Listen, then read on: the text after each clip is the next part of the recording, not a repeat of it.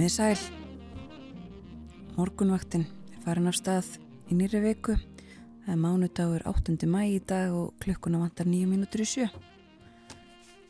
Umsjónamenn þáttar hans í dag Björn Þór Sjóbjörnsson og Þórun Elisabeth Bóadóttir og við verðum með okkur til klukkan 9. Ég sé að þetta er 19. vika ársins. Já. Og 128. dagur ársins. Þetta líður þetta líður.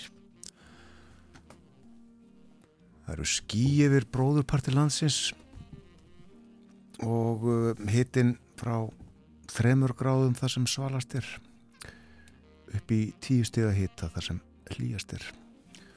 Og það er Reykjavík tíu stiga hitti í höfuborginni klukkan 6 5 metrar á sekundu austanátt skíjað 5 stiga hitti á Kvanneri 5 gráður líka í stikkisólmi allskíjað, 9 steg að hitti og logna á Patrísfyrði, 5 steg að hitti og hægur vindur í Bólungavík, 4 gráður á Holmavík og það er logn, 4 gráður líka á Blönduósi og á Söðunisvita, 6 steg að hitti á Akureyri léttskíjað þar, hægur vindur, 3 steg að hitti á Húsavík og logn, 4 steg að hitti og logn á Rauvarhöpp, sjögráður bæði á skjaltingstöðum og á eilstöðum og áttastega hiti með, með söðuströndinni, áttagráður á höfni Hortnafyrði, Kvískerjum og á Kirkibæðaklustri.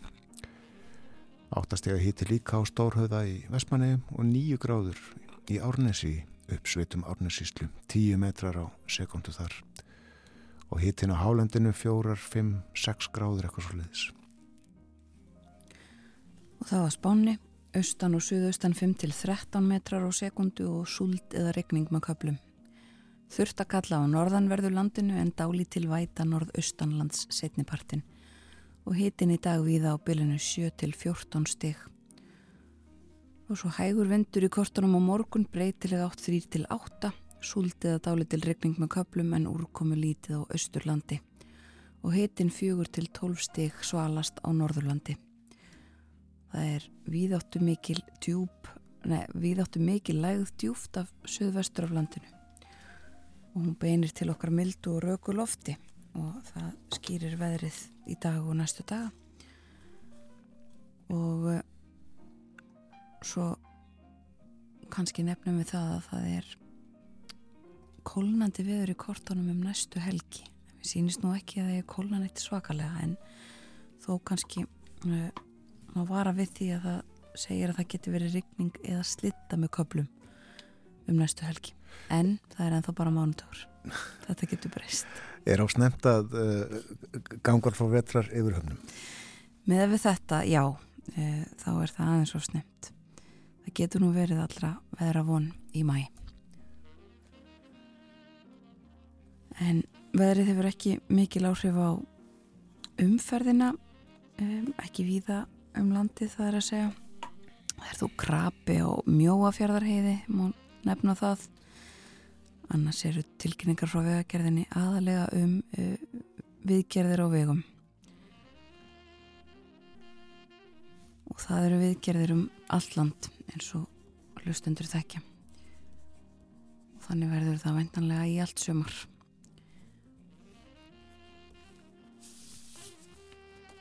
það uh, er ímislegt á dagskráni hjá okkur í dag? Við ætlum að halda þess áfram að ræðum kríningu Karls konungs sem var umliðina helgi. Mikið sjónarspil og þetta segja. Og við ætlum að halda þess áfram að tala um þau mál. Það er um trúartenginguna, uh, trúna þarna á bakvið þessa miklu aðtöfn. Svo ræðum við þessum bíla. Og Björn Malmqvist verður líka með okkur venju samkvæmt frettir frá Brussel á dagskráni en er ekki komin tíma á fyrsta lagþáttarins við ætlum að heyra Erlu Þorstensdóttur syngja. Og lagið er Kata Rokkar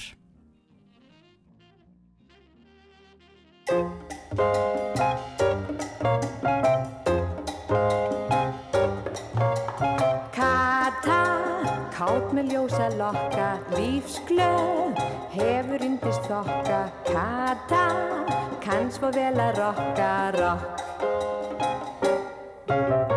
Alltaf meðan dansinn dunar, bjastlind, katan gólfið brunar, elskar, meir en margan grunar, rokk. Hún er smá, hýr á brá, horfið á, svo er kná, allir frá að sjá. Þegar hún tekur rumpuna og dansar á einni tá. Kata, kátt með ljósa lokka, lífsglöð, hefur undist þokka. Kata, kann svo vel að rokka, rokk.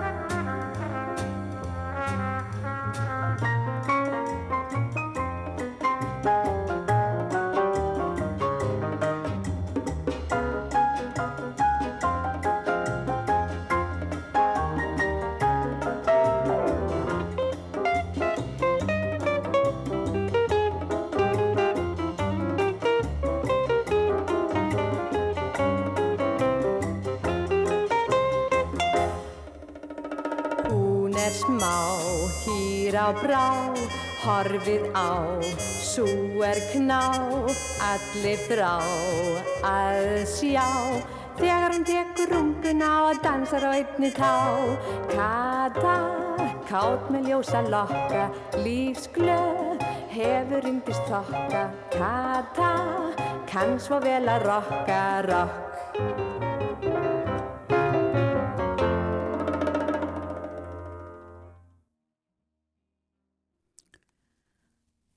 Katarokkar Erla Þorsteinsdóttir söng lægið eftir Theodor Einarsson.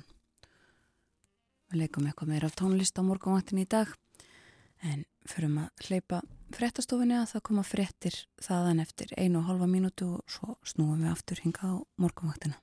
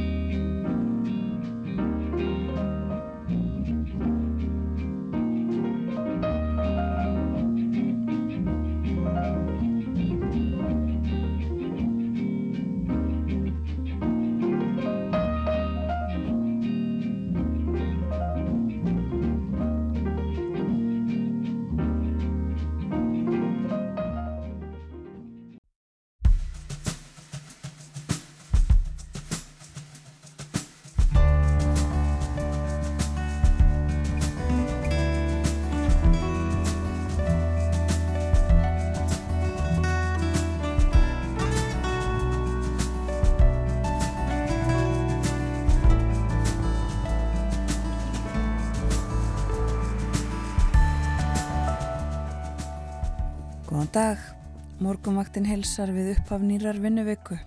Mánudagurinn 8. mægir í dag. Sigurdagurinn. Þjóðverjar gáfust upp 8. mæ 1945. Og umsjónumenn í dag eru Björn Þór Sigbjörnsson og Þórun Elisabeth Bóadóttir. Og kongurinn í Englandi hefur verið krýndur. Karl III ber nú kóronu og svo er enginn smá smíði. Í kríningar aðtöfninu á lögadaginn var allt intak og yfirbræð af trúalegum toga. Aðtöfnin fór fram í kirkju, erkibiskupin stýrði henni, Kongurinn var smurður, smurningar trúarlegt fyrirbríði og margt fleira mætti nefna. Það er enda þannig að þjóðþauðingi Breitlands þykkur vald sitt frá Guði. Um það og fleira er varðar kongin og trú fjöllu við klukkan hálf nýju, Solveig Anna Bóastóttir, professor í Guðfræði, kemur til okkar. Og Evrópumálin er á dagskrá eftir morgumfrettir klukkan átta. Björn Malmqvist í Brussel segir okkur helstu frettir í Evrópusamstarfi og fjallar sérstaklega um hlutverk og starfsemi uppbyggingarsjóðs Evrópu í dag. Þar er Borgarþóra Einarsson í hópi yfirmanna. Og svo fjöllum við um bíla, ekki síst rafbíla, það líður að því að ekki verði heimilt að selja nýja bíla sem ganga fyrir bensíni eða olju. Meira en það á eftir. Lítundi veðurs. Það eru austan og suðaustan átt í kortónum í dag, 5-13 metrar á sekundu og súldiða regning með köplum. Þurft að kalla þó á norðanverðu landinu, dálítil væta norðaustanlands setni partin í dag og hitin á bylunu 7-14 stig viða. Á morgun breytilega átt 3-8 metrar á sekundu og áfram súldiða dálítil regning með köplum en úrkomu lítið á austurlandi. Hitin 4-12 stig á morgun svalast á norðurlandi og uh, á miðvíkudag svo fremur hæg átt áfram breytileg skíjað að mestu á landinu og líkur á stökuskúrum sveipaður hitti áfram og uh, sveipaður hitti áfram næstu daga út uh, vinnuveikuna, hefur að segja og svo á lögadag og sunnudag hljómar spáin þannig að það verði breytilega átt og regning eða slitta með köplum engum norðanlands og kólnandi veður. Ekki gott. Nei, en þetta getur breyst við hugum okkur við það. Spórnar breytast nú stundum þegar að nær dreygur. Lítum í blöðin Írland og Erlend byrjum á morgunblæðinu sem að uh, segja frá því að nú á miðugudag þá uh, ætla borga yfirvöld, borgar yfirvöld í Reykjavík að freysta þess að taka lán. Reykjavík og borg higgur á skuldabrifa útbóða á miðugudag. Tvísvar hefur verið farið af staðin hætt við það sem að kjörinu voru ekki nægilega góð sem að buðust. Og uh, hér er rætt við Valdimar Ármann. Hann er forstuðumadur hjá Artika Finance. Það er einhvers slags fjármálafyrirtæki, verbreyðafyrirtæki eitthvað slíkt er ágæða félag og uh, hann uh, ég segir, nú er spurningin hvort markaðurinn sé búin að verleggja þennan hallaregstur en uh, nýverið var uppgjörið fyrir áriði fyrir að kynnt og talsverður mínus á rekstri borgarinnar á síðasta ári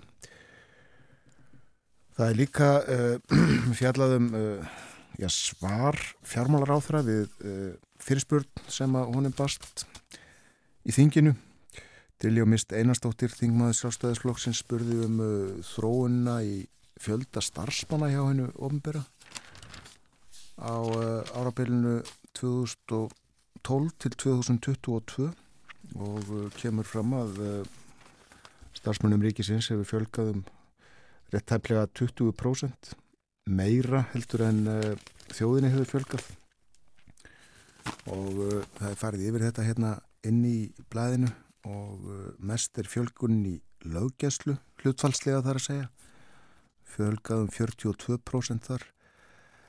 Þannig áttu stöðgildi þau voru í löggæslu 2012 732 en rúmlega 1000 2021 næst mest er fjölgun í helbriðiskerfinu þá í stjórnsíslu og uh, svo í mentakerfinu það er eins og er fækkað almennt hjá ofnbærum hlutafélögum og böngunum mjög mikið hjá eh, böngunum eh, starfsmennindir voru yfir þúsund, vel yfir þúsund bæði hjá Landsbankanum og Íslandsbanka 2012 en 7 eh, og 800 2022 og það hefur fækkað þarna hjá til dæmis Íslandsposti hjá Ríkisútarpinu hjá Hörpu og einni hjá Matís en fjölga nokkuð hjá Neiðalínni til að mynda og Ísafíja og uh, rætt hér við Dilljá um þetta.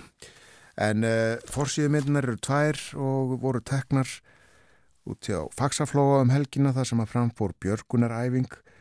Það var líkt eftir sprengingu í vélarými farþegabáts á flóanum. Hvalaskoðunabát getur við ímyndað okkur. Margi sem að tóku þátti þessu eh, það var landtilkiskestan og landsbjörg og slökkuliðið lögreglan og þetta hvalaskoðuna fyrirtækið elding. Svo er hér satt frá Sigri Valls á K.R. í fókbóltanum í gær eh, kalla liðin áttustið í estutildinni 5-0 Já, þetta heiti Burst. Já, það heiti það. Lítum aðeins til útlanda.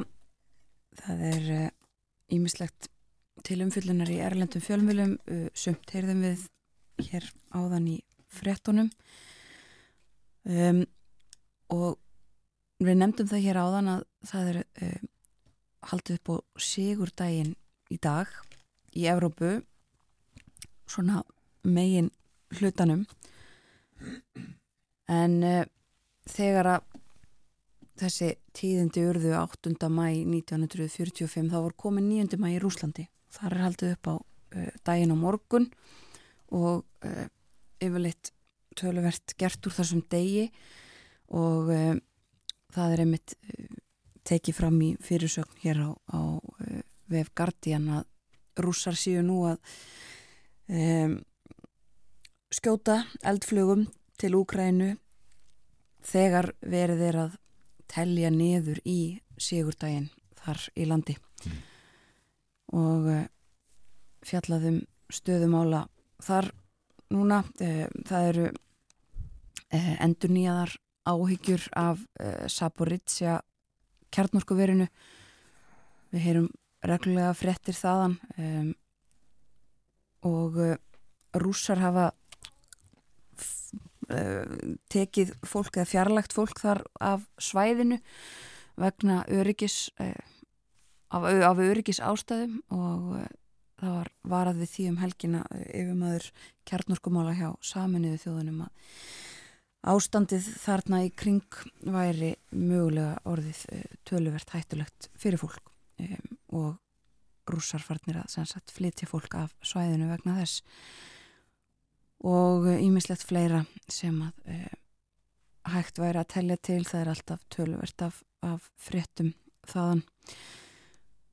Og e, sömulegði sagt frá skotarósum í bandaríkjunum áfram e, áfram halda þær var skotarós í Dallas í Texas þar sem að nýju eru látin þar með talin árásamadurinn og aðrar frettir frá Texas er það er líka að um, það var ekið á átta manns, uh, ekið á fleiri raunin en átta eru látin tíu særð eftir að stór bíl óg inn í þögu uh, fólks rétt við landamærin í Texas uh, þetta voru þetta var rétt við einhvers konar miðstöð fyrir fólk, innflytjandur og, og, og heimilislust fólk og tala um það að þetta geti verið, eh, hafa verið af ásætningi. Breskublöðun er áfram upp uh, full af frettum um uh, konungin sinn og konungsfjölskylduna, kríningar aðtöfnina um helgina, myndir og frettir aðalega þar allir uh, uppteknir af því eða margir að uh, Vilhjálmur Sónur Karls konungs hafi ávarpað uh, þessa tónleika, þetta var ekki bara þessi kríningar aðtöfna á lögadagin, heldur sömulegist tónleikar í gerðkvöldi í Vindsor og uh, hann saði þar að þau, hann og fjölskyldan öll væri stolt af konungnum og þessu er slegið upp við á fórsíðum með myndum og, og fleiru frá frá eh, Englandi um helgina. En forsjöfréttin á Guardian er hins vegar af uh, sjúklingum inn í braska helbriðskerfinu sem að ég segir hér að uh, þrói með sér eða minnst að fái krabbamein uh, vegna langrar byðar eftir hjálp og það eru líka fréttir af helbriðismálum í dönskum fjölmjölum í dag fór síðan á informasjón í Danmörku segir frá því að það sé í fyrsta sinn verið að taka saman sem sagt uh, það sé að lækna félagið og uh, forsvarsfólki í, helbriðiskerfunu sem er að taka saman hversu miklu forvarnir skila, hversu mikið er hægt að gera með því að grýpa fyrr inn í bæði með forvarnum og, og er þetta ekki svona kallað snemtæk íhlutun á íslensku bara grýpa snemma inn í þegar að fólk byrjar að uh, veikjast hvort sem að það er af þunglindi uh, það er líka dreigð fram offita og líka uh, tópaksnotkun um, það er verið að reyna að ná utanum það hverju það skilar og hverju, hver, hversu miklar upp að það geti sparað heilbriðiskerfinu. Og er búið að regna þetta út? Nei, það sýnist mér ekki. Um, var ekki að segja að það væri sett fram í fyrirsöknuna ef að svo væri, en það er sérst verið að reyna að ná utanum þetta og heilbriðisráð þeirra uh, í þessum uh, áformum líka. Og fórsíðun á politíkan er fjallað um einmitt offitu tengt mál. Það er þetta danska stórfyrirtæki Novo Nordisk sem að um, talaðir um, um og sem hefur framleitt þetta liv um, þetta er sigursíkis liv en notað til þess að uh, fólk grennist. Og það er talað um það að, að, að uh, þetta það uh, séu gríðalegur kostnæður sem að fáist af þessu taki til sín skattpenninga og rætt við lækna sem að vara við þessu öllu saman. Við hefum heyrt svipaðar umræður hér líka. Um, það er aðeins flóknara offita er aðeins flóknari heldur en bara svo að það sé nú að taka einhver liv við henni. En þetta er svona sitt hvað af því sem að nefnum á úr erlendum fjölmjölum þennan morgunin eh, við förum svo auðvitað til Brussel eftir morgunfyrirtinnar klukkan 8 þegar Björn Malmqvist verði með okkur. En áfram með blöð Súlur kom út á dögunum Ritt sögufélags eigafjörðar og þar er að finna fjölbreytt efni áhugavert og skemmtilegt við töl og frásagnir. Jón Ingi Sæsason sem að lengi vann hjá postinum rifjar upp æsku árin á otterinni á Akureyri. Og eins og hlustendur sem eru kunni í staðáttum vita þá er otterinn ekkert sérstaklega stór en það er áhugavert, ekki síst fyrir okkur sem ekki munum jafn langt aftur og Jón Ingi að sjá þann ótrúlega fjölda verslana sem var á eirinni í den tíð. Þá voru verslanir á hverju horni, heitir kaplinum alla búðirnar í grein Jón Singa og ég ætla að lesa úr honum nánast orðrétt en þó örlítið stitt. Verslanir settu mikinn svip á eirina á þessum árum. Kea var með þrjár búðir á litlu svæði á eirinni. Fyrst mann ég eftir verslun sem gekk undir nafninu Bóla. Svo var á horni Lundagötu og Eðsvallagötu.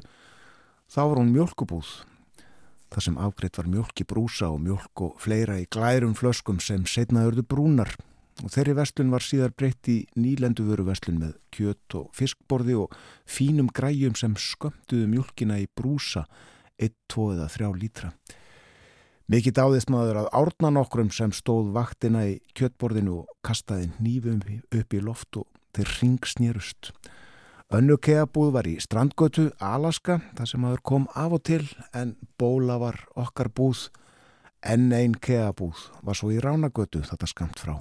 Kea ætlaði sér að eiga svæðið. Og svo verið það litlu vestlanirnar, þar kefti maður gott í póka þá sjaldan sem það var í bóði, eirarbúðin í eðsvallagötu, það sem heiðreikur afgreiti pólana, turnin, það sem besta tók brósmilda móti börnunum og reknaði saman á hvít blað með blíjandi til að fá rétt verð, Jóhannesabúð var í eðsvallagötu, dæmigerð hverfisbúð agnar lítil þar sem kveiti og sigur var í skúfum og afgreitt í póka og viktað. Jóhannes var mikill vinu krakkana, hann var svo eini sem nokkur sinni kallaði mig Jónda. Ódýrast hjá honum voru 25 kúlur sem hann oft gaukaði að mér, einni ókipis í lokin. Og síðst í lundagötu við strandgötu voru svo dittabar, kjött og fiskur og Þóra Eggerts sem höndlaði með konuvörur eins og það var kallað hjá okkur. Smárabar var svo síðst í Glerargutunni. Þar var Hannes hjólhesta setna með verkstæði. Í smárabar var plötuspilari þar sem peningur var settur í rauf og hægt að velja sér plötu til að spila. Það er vist kallað djúkbóks í Ameríkunni. Kjöt og fiskur var skemmtileg búð, mann enn fiskilíktina en þarna var hægt að fá glæniðan fisk og kjöt. Afgreifslumadurinn var hress og kátur og kunni vel við að gandast við krakkana. Herrabúðinars Steina Östmar var, var svo við hliðina á Alaska í strandgutunni Steini var hress og skemmtilegur, pappi Ella og Sigga í næsta húsi, vinna minna. Bakariðans Kristjáns var aðeins neðar við strandgötu, þar var Ilmur. Svo hafðist búði gránufílaskötu sem hétt Rísei, en þánga kom ég aldrei. Kaupfélag verkamanna var svo við strandgötu, útibú við norðurgötu. Innan við búðaborðið í strandgötu stóð Halli Helga og bauð upp á ímiskona vörur í hardri samkeppni við kea. Þanga fór mamma oft frekar en að fara í keabúðunar. Þekktir bræður reyndu að stopna nútímalega verslun sem hétt Kjötver og var í austurenda sjálfans. Kea var ekkit sjálflega hrifið af því að verið væri að stopna til samkeppni og sagt var að þeir hafi náða að drepa þennan samkeppnis aðila á örskumum tíma. Kalli Skó var síðst í lundargötunni þángað fór fólkið úr götunni með skóna sína. Í þá daga var gert við skó og þeir áttu að endast. Dóri skó og Dóri söðla voru svo í strandgötunni í kjallara nr. 15 sem nú er horfið. Völundur var með verkstæði í Gamla Lundi og hróar trésmíðaverstæði í bakhúsi við Lundagötu 6. Völundur skerti skauta fyrir krakkana í hverfinu og líklega hefur hann haft lítið upp úr þeim verkefnum. Í næsta húsi við mig smíðaði gósi líkistur og það past oft fesk viðarlikt og neista regn úr skorsteini þegar gósi var að brenna afganga af timbri og spónum. Ottur í höfn var aðeins lengra í burtu þanga var maður að fara ef peningu var til fyrir einni með öllu og koktelsósu og rauðkáli. Það var eins og sjá maður þessu að síðri hluti eirarinnar var lifandi svæði með atvinnuregstur af ýmsum toga. Það er liðin tíð með tilkomi stórmarkaða og saminningar atvinnufyrirtækja. Já, þetta var úr grein Jón Singa Sæsarssonar í Súlum, tímariti sögufélags eigafélag. Ótrúlegur fjöldi vestlana á uh, ekki stærra og fjölmennara svæði en otterinn á Akureyri. Og eigum við þá ekki bara að breyða okkur í smárabar, síðust í Gleragötunni. Áriðið 1960 þar um byll, Elvis Presleyr aðalmaðurinn. Kongurinn hefur nýlókið herskildu Og við setjum pening í djúkbóksið og veljum Stuck on You.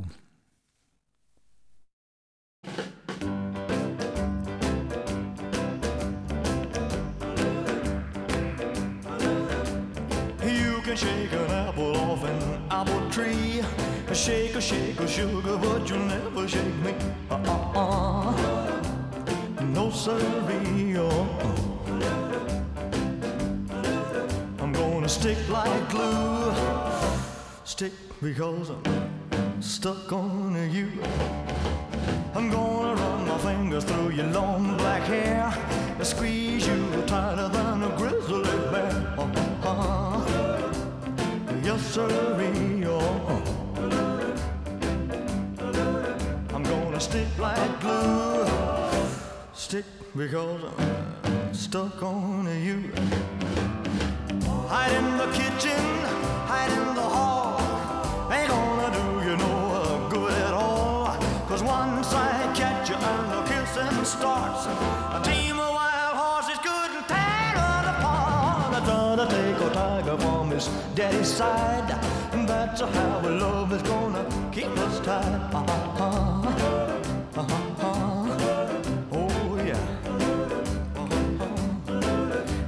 Stick like glue. Stick because I'm stuck on you. Hide in the kitchen, hide in the hall.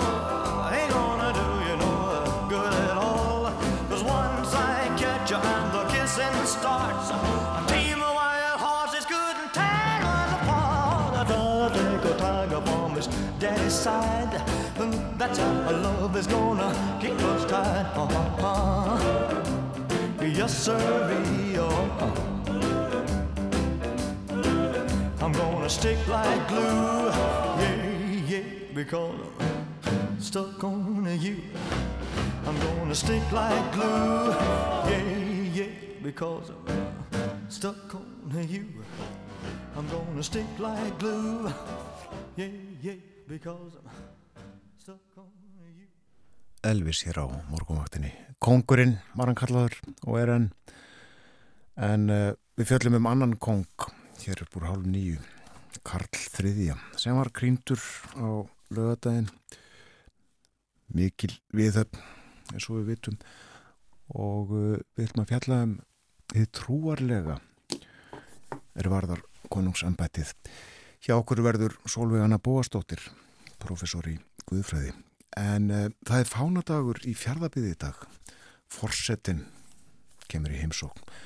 Og uh, bæjastjórnin hvetur íbúa og fyrirtæki til að flagga íslenska fánanum af því tilhefni og það er heilmikil dagskrá eins og uh, sjáum á fórseti ferðast vítt og breytt um sveitafélagi fjörðabigð, heimsækir helstu stofnanir, kynni sér atvinnu og menningarlíf, ræði við fólk á öllum aldri og uh, heimsóknin uh, hefst núna í morgunsárið á bæjarskrifstofum fjörðabigðar á reyðafyrði og þannig líkur leiðin til neskupstaðar þar mun fórseti skoða áhrifasvæði snjóflóðana og í neskupstað sækir hann einnig umdæmi sjúkrahús Östurlands, síldarvinnsluna og samvinnuhúsið Múlan. Og svo verður siltin mjóafjörðar samgöngur við mjóafjörð geta verið erfiðar yfir vetramáðunina og því er sjóleðin farin. Það búið að jafnaði um tíu manns í einni afskektustu byggðlandsins og uh, það verður reynd til kaffisamt sætis með íbúum. Á morgun þrjúdag þá likur leið fósetta til Breidalsvíkur og á Stöðvarfjörð og þar mun fósetti ræða við nefendur grunnskólans, hann er samrekinn og börnin sækja kjenslu til skiptismilli byggðalagana tvekja Fósetti heimsækir á morgun einnig sköpuna miðstuðuna á stöðafyrði þar hafa listamenn frá ímsum löndum aðstuðu til sköpunar í gamla hraðfristi húsinu sem að verið er að gera upp. Og fósetti snæður á morgun hátegisverð með eldri borgurum á stöðafyrði og heldur svo til fáskrúsfjörðar og þar heimsækir hann hjúkrunarheimilið uppsali, skólamiðstöð fáskrúsfjörðar og auðvitað loðnu vinsluna og síðdegis á morgun þá efnir bæjastjórn til hátíðasamkomu í menningamiðstuðinni á Eskifyrði fyrir alla íbúa fjörðarbyðar. Og á miðugudaginn þá heldur fósetti til reyðafjörðar þar sem hann heimsæki leik og grunnskóla bæjarins, snæðir svo hátegisverð með starfsfólk í mötuneyti Alcoa fjörðaáls, það er fjölminnasti vinnustadur sveitafélagsins og eftir hátegið á miðugudag þá heimsækir fósetti hjúkrunarheimilið á Eskifyrði netagerðina Egersund og fær einnig kynningu á starfsemi lagsa fiskeldis. Heimsókn fósetta í fjörðabið líkus og sítiðis á miðugudag með skoðunaferðu nýtt íþróttahús á reyðafyrði. Fósettin ætlar á æfingu hjá eh, Val, ungminnafélaginu þar og tekur öruglega þótt sparkar í bolta eða kasta spjóti eða hvaða nú er. Og þessu líkus og öllu með heimsókn á söðfjárbúið slettu í reyðafyrði. Framöndan er fréttaðefilitt, við heyrum fyrst uh, tilkynningar og eftir fréttaðefilittið og fram til, álf, uh, fram til átta þá ætlum við að tala um bíla hér á morgunvaktinni.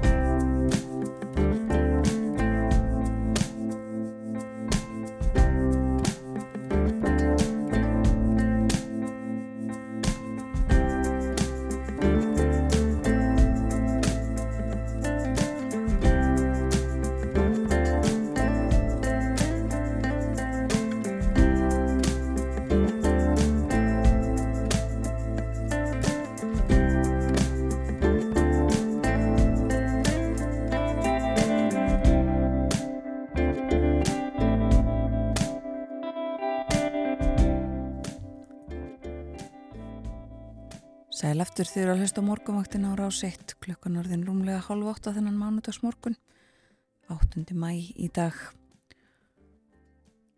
og uh, lítum aðeins á Östurvöll dagskrána í þinginu í dag við fórum aðan yfir dagskrá Forsetta Íslands hann er uh, í heimsóknum var í Lundunum um helgina og verður uh, annar staðar næstu daga verður fer hér um landið.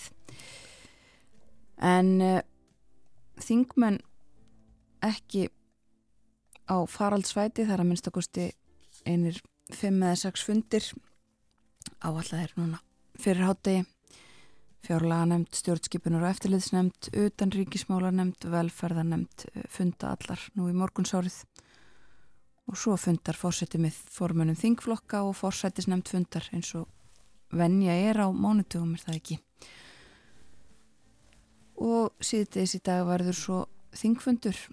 Hann hefst klukkan þrjú og hefst á óundibúnum fyrirspurna tíma þar verða fórsætis innviða, matvæla, menningar og viðskipta, menta og barnamála og hilbriðisráþherrar til svara. Og svo verður sérstök umræða um framtíð framhaldsskólana það hefur verið tölverið umræða um uh, þau mál síðan að það bárust fréttir af því að það væri, væri verið að skoða saminningar framhaldsskóla. Og uh, Bjarki Jólsen Gunnarsdóttir Þingmaður Vafki er málshæfjandi í þessari umræðu. Og ásmundur eina dag að svona menta og barnamálar á þeirra verður til svara. Það er verið að skoða samina kvennaskólan og mentaskólan við sund er það ekki? Jú, eh, og ég kann ekki að fara yfir með þetta en, en uh, fjórar saminningar eru til Já, skoðunar. eh, fækka sem sagt tránskólanum um Já. fjóra.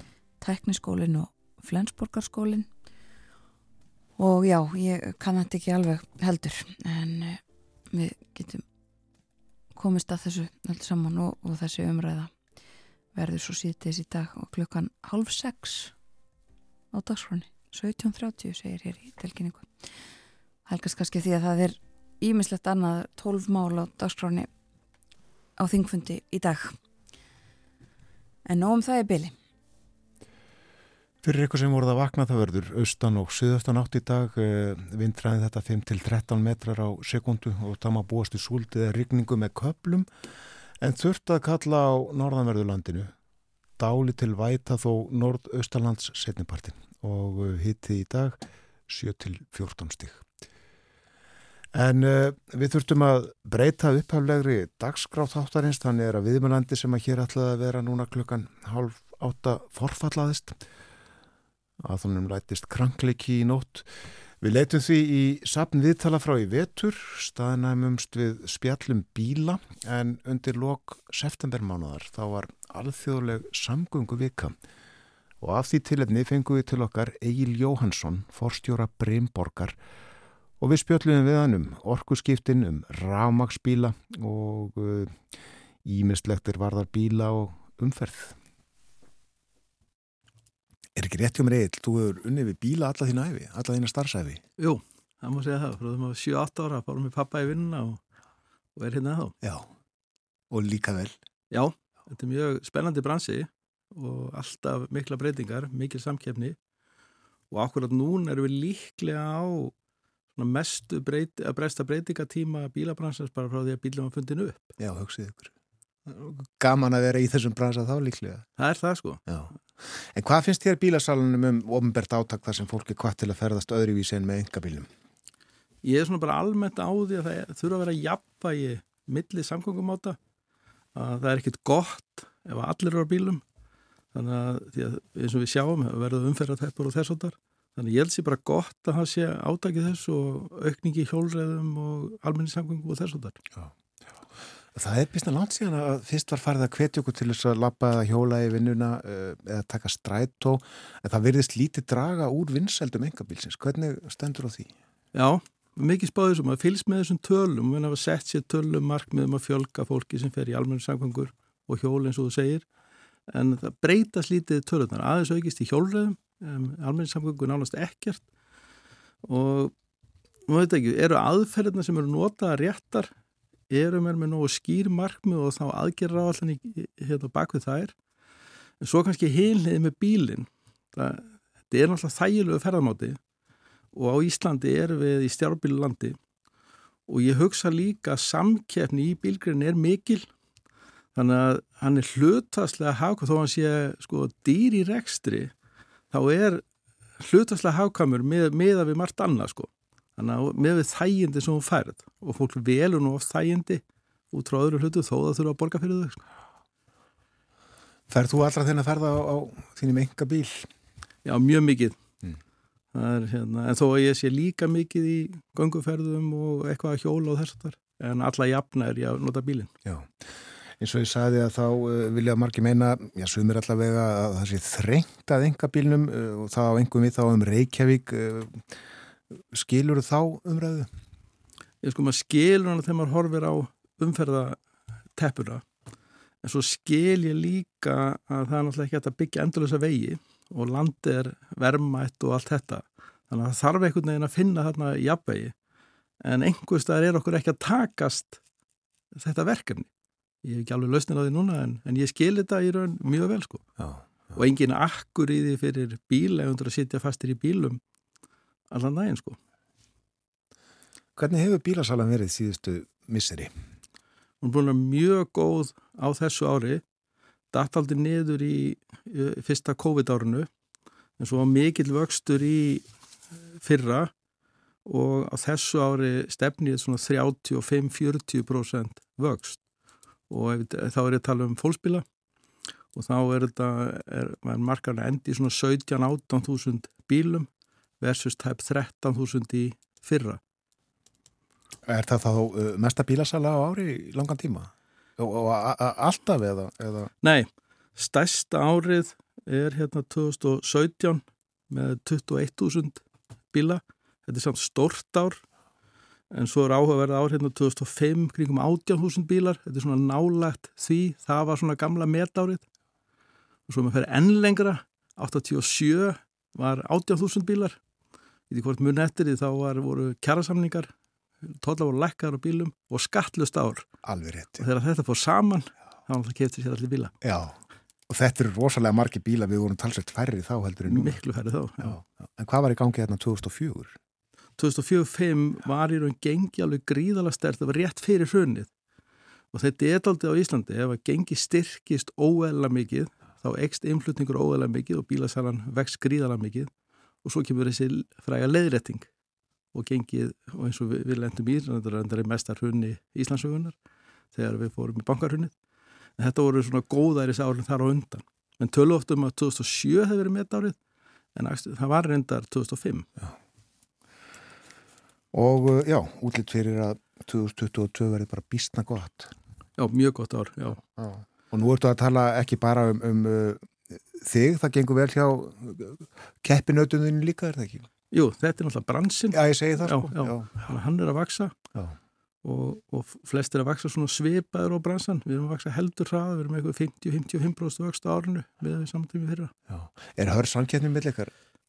Já, ég myndi segja það það er bæðið náttúrulega svona 5 stór bílaðumbúð og svo nokkuð minni.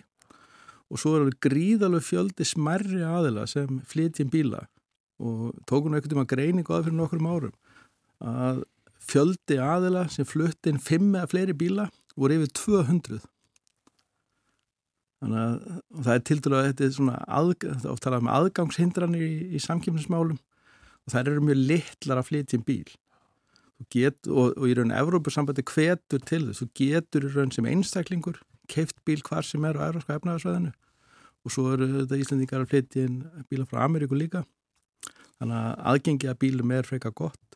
Þannig að samkeppinu er mikil. Já, byrju hvernig virkar þetta? Nú, já, þú ert með umboð fyrir til dæmis Volvo, get ég hringt í Volvo-vesmiðunar og, og keift nokkra bílaðum og, og selt hér?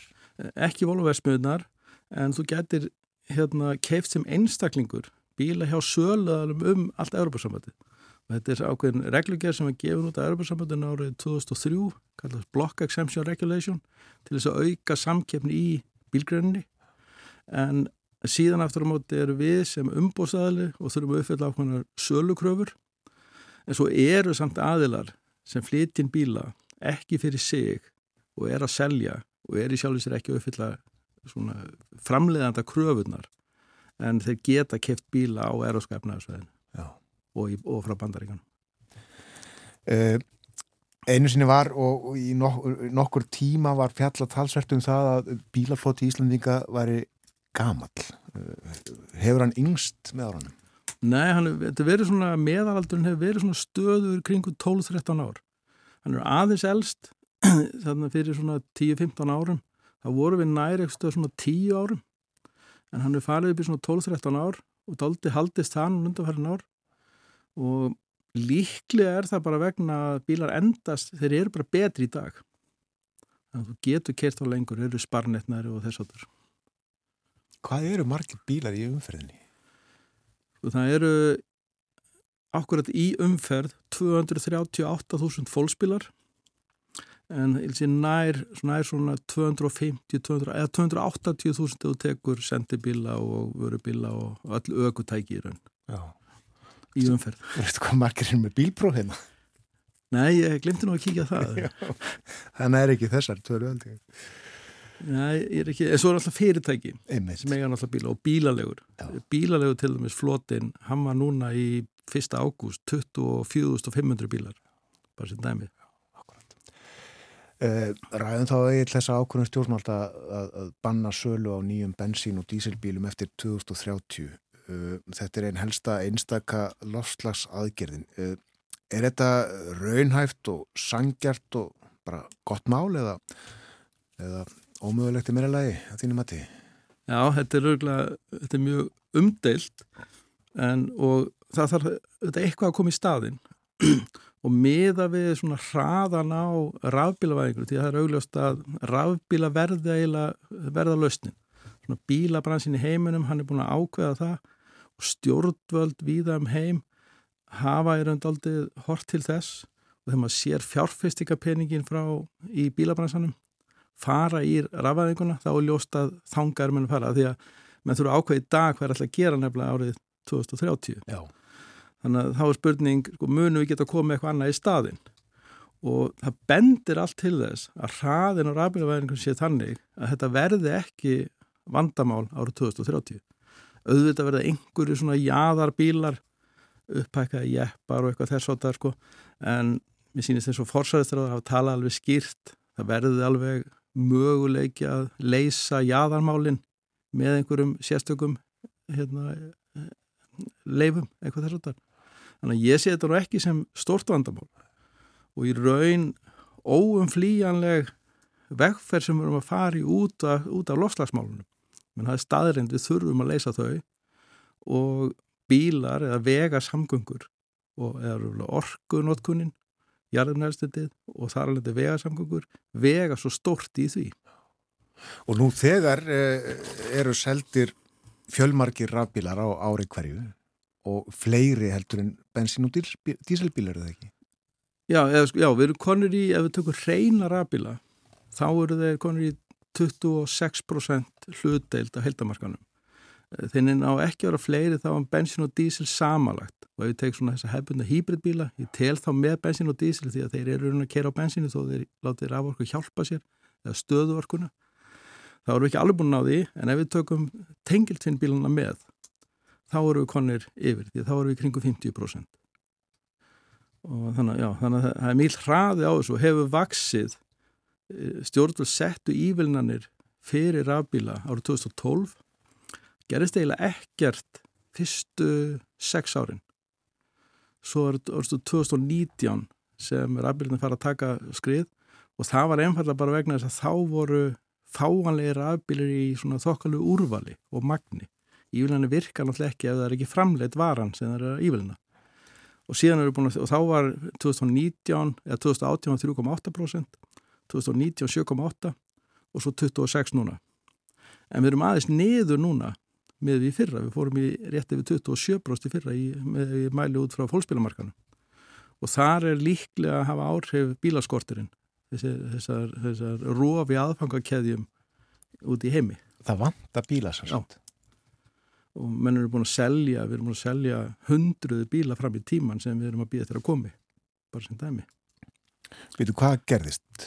Það er eiginlega tvent í megin dráttum, það er COVID og stríði í Ukraínu og það er svona skortur á eins og háluleðurum og tölvubúnaði fyrir bílana sem er ótrúlega mjög teknivettir og það, það, það er framislu keðjur rofnuðu.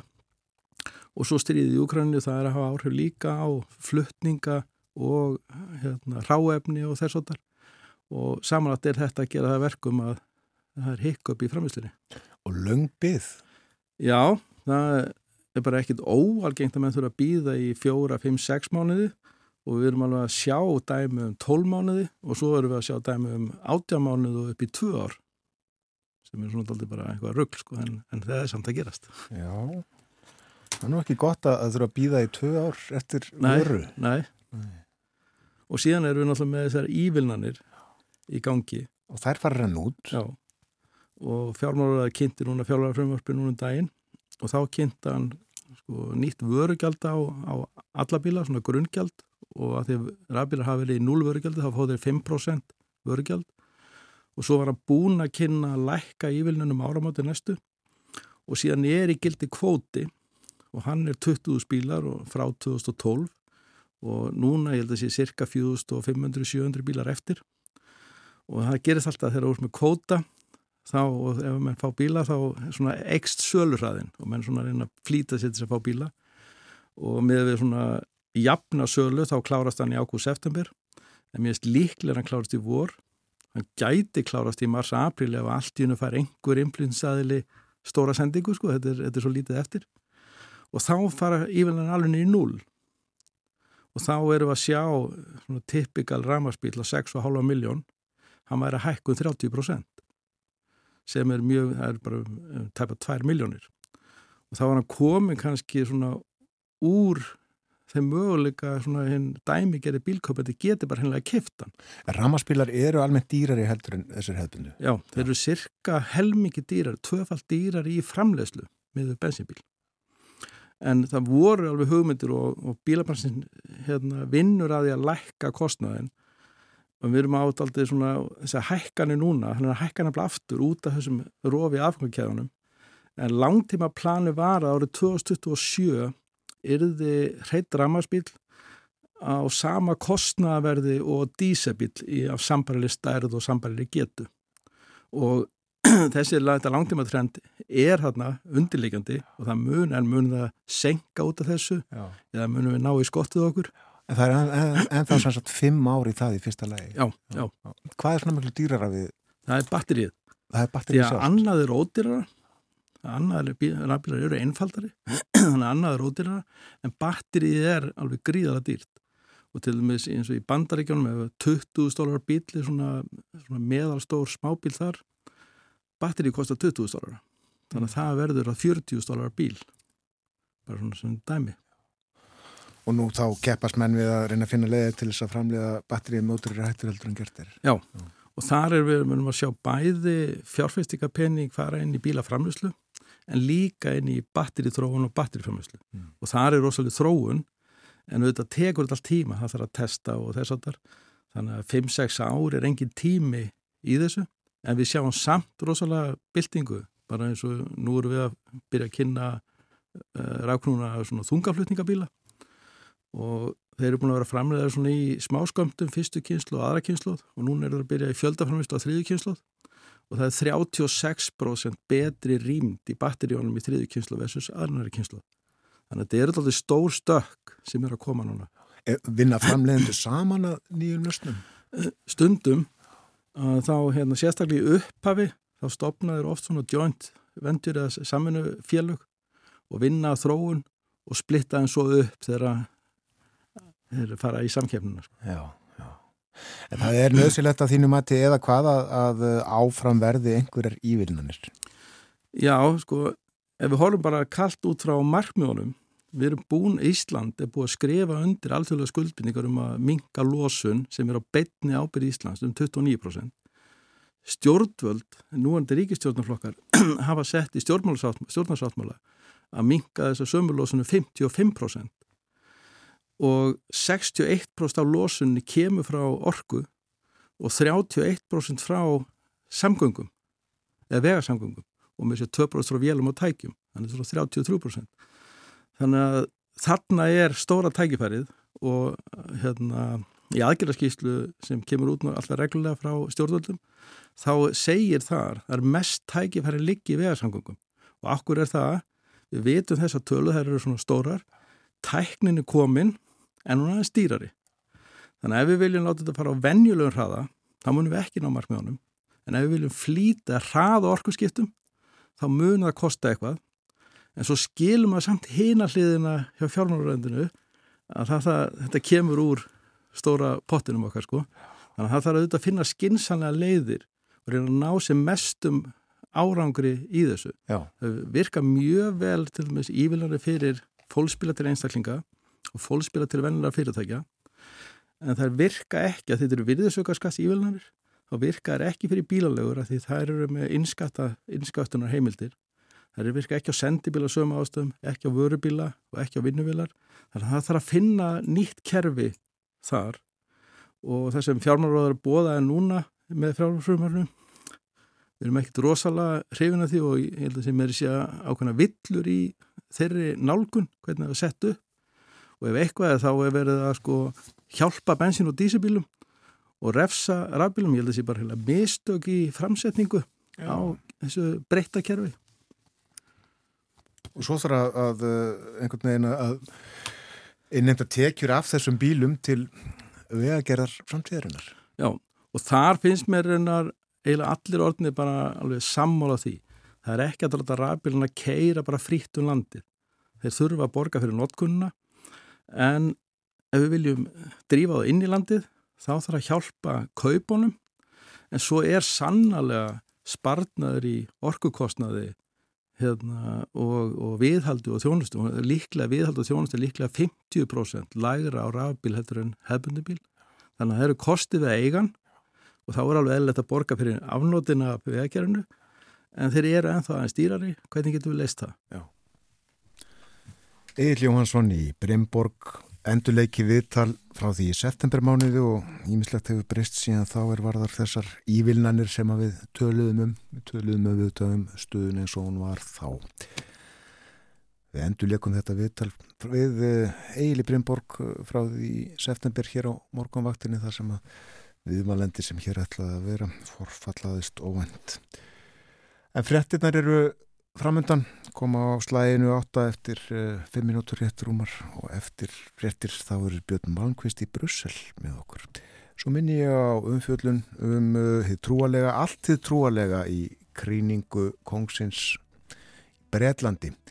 Ræðum þau mál hér millir hálf nýju og nýju, Solveigana Bóastóttir, professor í Guðfræði verið með okkur.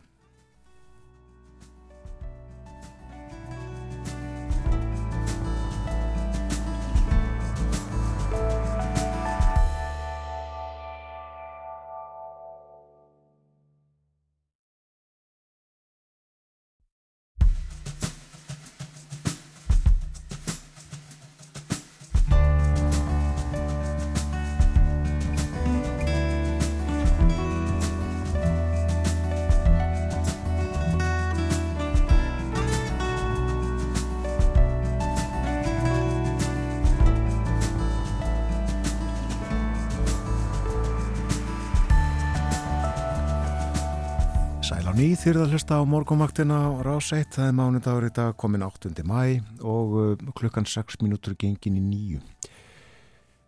Ég minni á að hér upp úr hálf nýju þá verður hjá okkur Solveig Anna Bóastóttir, professor í Guðfræði við Háskóla Íslands. Við viljum að tala um uh, Breska kongin og samband hans við almættið. En uh, kongurinn þykkur vist vald sitt frá Guði og uh, kríningin á lögadaginn, kríningaratöfnin já, hún var uh, alfarið af kristilegum toga, trúarlegum toga. Um þetta ætlum við að ræða við Solveig Anna á eftir. En uh, nú er það uh, veralleri mál á dagskránni, við erum komin í samband við Björn Malmqvist í Brussel. Heil og sæl og góðan dag. Góðan daginn. Við spjöllunum vennilega í, í upphafi rapsokkar um uh, Evrópumálin um uh, eitt og annað, það sem er svona efst á bögin, en uh, nú ætlum við að fjalla um sérstakann sjóð, hann er á vegum EES ríkjana og uh, kallast uppbyggingar sjóðurinn og það er fjallað um hann í samningnum um eróska efnaðasvæðið ekki sett. Jú, uh, þetta, þessi sjóður er svona einn af svona, eina af grunnstóðum þessar samkómulag sem við gerðum árið 1993 um, um sérst euróska efnaðarsvæðið og þessi sjóður hann er í rauninni í líki hlutverki hvað var það stöðu EES-ríkjana þar að segja Íslands, Norregs og Líktenstein gagvart sérst Európa-sambandinu. Hún er með stjórnmað frá skrifstofu EFTA hér í Brussel og, og einn af þeim sem að stýri þessu starfi er Borgar Þór Einarsson, hann var áður í utaríkisraðunetinu en tók við þessu starfi veturinn 2021. Við skulum byrja á því að hlusta á viðtal sem ég tók við Borgar í síðustu viku um þennan sjóð og, og, og, og svona tala svo aðeins svona meir um það í framhaldinu. Uppbyggingarsjóður uh, eftir á sér, á sér þá fórsögu að, að þegar að ES eftir ríkin ganga, semja við Europasambandið uh, í upphafi tíund áratöðurins að þá uh, eru þau að ganga inn í innrimarkaðin og innrimarkað ESB og þá hafi verið til staðar kerfi í, í ESB sem gerir ráð fyrir því að, að ríkin mynduð með sér svona Eh, efnahagslega samhælni eh, og með því að gerast aðeinar af þessum innrimarkaði þá tókumst við á hendur sambarilega ábyrð mm -hmm.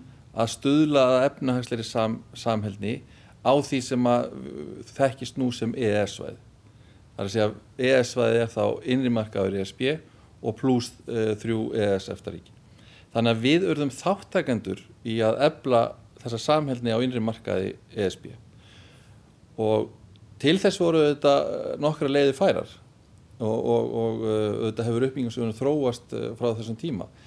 En uh, það, verið, það væri hægt að fara tilbaka og ímynda sér, heyrðu, ok, við greiðum bara einhverju upphæði þennan mm -hmm. inn í þessi kerfi sem þið eru með. En eftirríkin, ES eftirríkin ákvaði mjög snemma, þau vildi gera þetta á sínum fórsöndum þess vegna verður uppbyggingarsjóðurinn til að hann er á fórsöndum EES eftir ríkjana, Íslands, Noregs og Líktinstæn um, uh, þau semja við ESB um tildegnu uppæð í ákveðin tíma en hafa jáfnframt mjög mikið að segja um það hvernig í, og í hvað og í hvaða tilgangi þessum fjármunum er varið. Og þessi verkefni eh, sem að sjóðurinn hefur farið í, hann hefur farið í að styðja við í rauninni efnahag, ef svo má segja Já. einhverja 15 ríkja innan ESB samkvæmt ákveðnum skilurum ekki sagt? Jú, sko sjóðurinn hefur og þessi mekanismi eða þessi þetta fjárhagslega kerfi sem er samið um hefur tvíþætt markmið. Það er að annars vera að stuðlað efnahagsleiri samhælni á svæðinu og hins vegar að efla tvíhliða uh, tengsl uh, ES-ríkjana, Íslands, Norris og Líktinstæn við þessi 15 viðtökuríki. Mm -hmm. Viðtökuríkin eru þau ríki innan ESB sem ekki ná 90% af meðaltali landsframlýslu. Það er viðmið, þess vegna eru þau 15 en ekki fleiri að færri. Eh, svo er samið um við ESB um í hvað þessi peningar, eða að hvað markmiðum þessi peningar eiga að vinna. Og það eru búin til, til áallanir. Mm. Núna erum við að vinna með 23 eh, svona megin áallanir á yfirstæðan tímanbili sem að stendur yfir núna sjóra tímanbili og því er að ljúka bráðlega.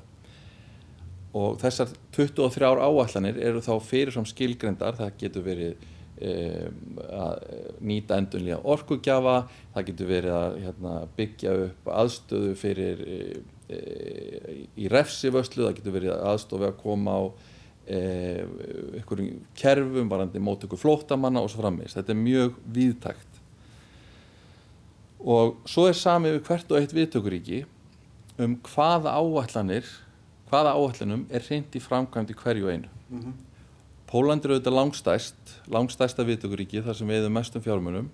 Og þar erum við með 14 áallanir í, í, í gangi. Malta er minnst, þar eru við með tvær áallanir í gangi. Og munurinn á Póland og Möldu er að á sjóra tíðanbili fara 800 miljónir úr, úr, úr sjóðunum í Póland, 800 miljónur evra. En ég hugsa, ég, mér minnir að séu innan við að séu kringum 9 miljónur í Maltu þurfa. En þetta eru mikið til sko ríki í austur-Európu, þar að segja ríkin sem komu inn þegar ESB var stakka 2004, Já. þetta er Portugal, þetta, er, þetta var allavega spátminni mig. þetta var, sko í upphafi ef ég fer, fer nú rétt með það, nú kannski er þetta vera ekki með sögulega standir alveg reynu, þetta er þetta til að mynda Írland Spán uh, og Gríkland er ennþá og Portugal.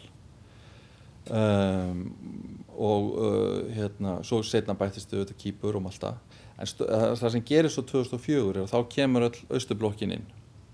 Og þá breytist í raun og veru uppbyggingarsjóðurinn uh, mjög mikið. Og þá er, fyrst, þá er stopnu þessi sérstaka stopnun sem heldur svo utan um reksturinn, það er, það er gert 2004 fram að því hafi þetta verið rekið í gegnum eftarskrifstofuna og það sem gerist annað líka þá er að uh, normenn koma með sinn eigin sjóð. Að það, er, það eru tveir sjóðir á bakvið uppbyggingarsjóðin það er sameilu sjóður Noregs, Íslands og Líktinstein það sem að normenn þetta fara með langstæstan hlut og það er tekið mið af landsamlæslu ríkjana og svo eru normenn með sinn eigin sjóð til hlýðan en bá, báðum sjóðunum er stýrt af uh, skrifstofu uppbyggingarsjóðsins. Þannig að, að það er sameilu stjórn yfir báðum sjóðunum og ástæðan fyrir því að normenn kom inn með þetta var auðvitað þessi fjölgun ríkja. Og norski sjóðurinn styrkir bara verkefni í þessum nýju ríkjum. Þar að segja að hann styrkir ekki verkefni í þeim ríkjum sem voru í ESB fyrir 2004 Ég skil. Það er stundum verið talað um og það hefur okkur meiri sér verið í fréttum að, að við eigum fín, eða sérst, þessi skrifstofa sem að þú sérst, hérna, fer fyrir sem að sér um hennan sjóð að hann hefur fín samskipti við langt flest ríkin. En, en það er undantekning þar á. Og það er til dæmis Ungverjaland sem að það sem að hefur rauninni mjög lítið verið að gerast undan farin ár vegna deilina sem að þið hafi átt í við stjórnvöld þar út af útötunum úr sjónum. Getur aðeins útskýrt af hverju það er? Já, það er í raun og veru sko, er, það, er þetta náttúrulega ekki deilur á milli skrifstofunar og, og viðtökuríkisins heldur hefur þetta með það að gera að ESF-ríkin í samfunum við ESB setja sér metnaðafull markmið þegar það kemur útlutunum um sjóðun. Eitt af þessum markmiðum er að styrkja frjáls, frjáls félagsamtök sem oft á tíðum er átt í þeirri stöðu að veita stjórnvöldum í því komandi ríki aðhald. Og þess vegna leggjum við áherslu á það þegar að þessi samtök fá styrkju sjónum að þau sé ekki háð stjórnvöldunum sem þau eru að veita aðhald um þessar styrkveitingar. Mm -hmm. Við reynum að hafa bein tengsl við þessi félagsamtök. Í allar aðrar áallanir þá vinnum við með yfirvöldum í hverju landi. En þarna tökum við þá út fyrir svega. Það sem að gerist í, í, í, í Ungverilandi þegar að, að það er verið að formúlera núverandi fjárastímabil að þá næst ekki samkomulag við ungversk stjórnvöld um þetta atrið, um þá sem eiga stýra sem sjóði sem hefur með frjáls félagsamtök að gera. Mm -hmm. Þeir vilja fá tildingin félagsamtök sem, við, sem að hérna, ES-ríkin fjallust ekki á. Og fyrir þessu hafi verið hérna, gert ráð. Það er að segja, og þá fyrir að stað uh, ákveð hérna, ferli, þar sem að engum áallánum er framfyllt á yfirstöðum tímanbíl í Ungverðalandi sem því að engum fjármunum er útdeltar. Ungverðaland helst ennþá vera viðtökuríki en það er viðtökuríki án sagt, innleðingar eða sagt, án útlutunar. Ja. Og, og þetta er bara staðan og þetta hefur með það að gera sem ég vekað hérna undan að hvorki, við, hvorki ES-ríkjónum NSB er saman um það hvernig þessu fjármunum er útlutað. Þetta ekki, fer ekki bara inn í einhverja hít og svo fær ungverðan þetta og, og þetta er ekki bara þetta. Heldur er þessu stýrt og þessu fyllt eftir og þessu, þessu fjármunum og þessu styrkveitingum er alltaf að ná okkur markmiðum. Snúm okkur aðeins að sko í rauninni peningunum í kringum uh, þeirra uppbyggingarsjóði. Hann er, hann er, þetta er sjóður upp á, upp á marga miljardar. Við Íslandingar borga eitthvað í kringum 9 til 10 miljardar í sjóðin á hvað 7 ára fresti. Já, á 7 ára, ára tímanbili sem er, er yfirstæðum tímanbil og, og það var 5 ára en nú er það 7 ára. Já, þetta er í kringum uh, 9 miljardar fyrir eftir, eftir genginu. Og það hefur stundum verið lítið á þennan sjóð og okkar framlag og náttúrulega framlag Norris og Lichtenstein sem, sem einhvers konar aðgöngum miðaverð inn á, inn á innri markaðin mm. og, og, og það er syns, á, á sama tíma og það er verið að semja um framlag í þennan sjóð við Evropasambatið þá er líka verið að semja um sko tollaðgang uh, þessar að þryggja ríkja inn á innri markaðin til og með hvað var að sjávarafverður og, og landbúnaðarafverður og það er stundum talað um þetta sem í rauninni tvær liðar á sama penningnum. Mm. Hvers vegna er það? Já, það hefur með það að gera að, að eh, þátt, þáttöku í innrimarkanum fylgja réttindi og skildur. Réttindin eru þetta það að fá að flytja vörur inn á markaðin uh, samkvæmt með, með hagstaðir skilurðum heldur en, en þriðaríki sem er ekki aðal innrimarkanum. Mm -hmm. Þetta eru þau réttindi sem þú fær. Þegar við göngum inn í innrimarkaðin þá, þá eru líka skildur sem fylgja því. Það er að segja þáttakendur í innrimarkanum þurfa að leggja sitt að mörgum til að stuðla efnahagsleiri samhælni á svæðinu og, og uh, þetta, þetta var til stað þegar við fórum inn þannig að aðgöngum miða uh, líkingin hún áður þetta rétt á sér. Svo gerist það að það verður þetta breytingar á tollaumkori og aðgengi að markanum fyrir til þess þriðuríki og þá segja um, ES-ríkin sem að sömdu á, um, um þetta á, á sínu tíma það er ákveðin upphæð og hún tekur miða því hvaða kjara við njótum. Og þannig helst þetta í hendur að ef, ef við fáum betri kjör eða það er að segja ef við erum að hækka framlægi þá erum við að fá betri kjör. Mm -hmm. og þetta er mjög e, hvað maður að segja lógist í, í samskiptum ríkja. Auðvitað eru ríkja alltaf að hugsa um sína hagsmunni og það er ósangjart fyrir, uh, fyrir ES-ríkin eh, e að sæta því að, að hafa lagari eða ekki, ekki mun betri aðgang heldur en þrýðuríki og vera á sama tíma að leggja sitt að mörgum sem þrýðuríki eru ekki að gera til efnahagsleira samhælni á innrimarkanum. Á samahátt er það ósangjart fyrir þá sem eru fyrir ríkin sem eru í ESB ef að, ef að ríki, ef ES-ríkin njóta umtalsvöld betri kjara án þess að leggja sitt að mörgum þannig að þarna þarf að ná jafnbæg og um það snúast þessa, allar þessar viðræður og það er þannig sem að þessi uh, þessi tveir þættir tengjast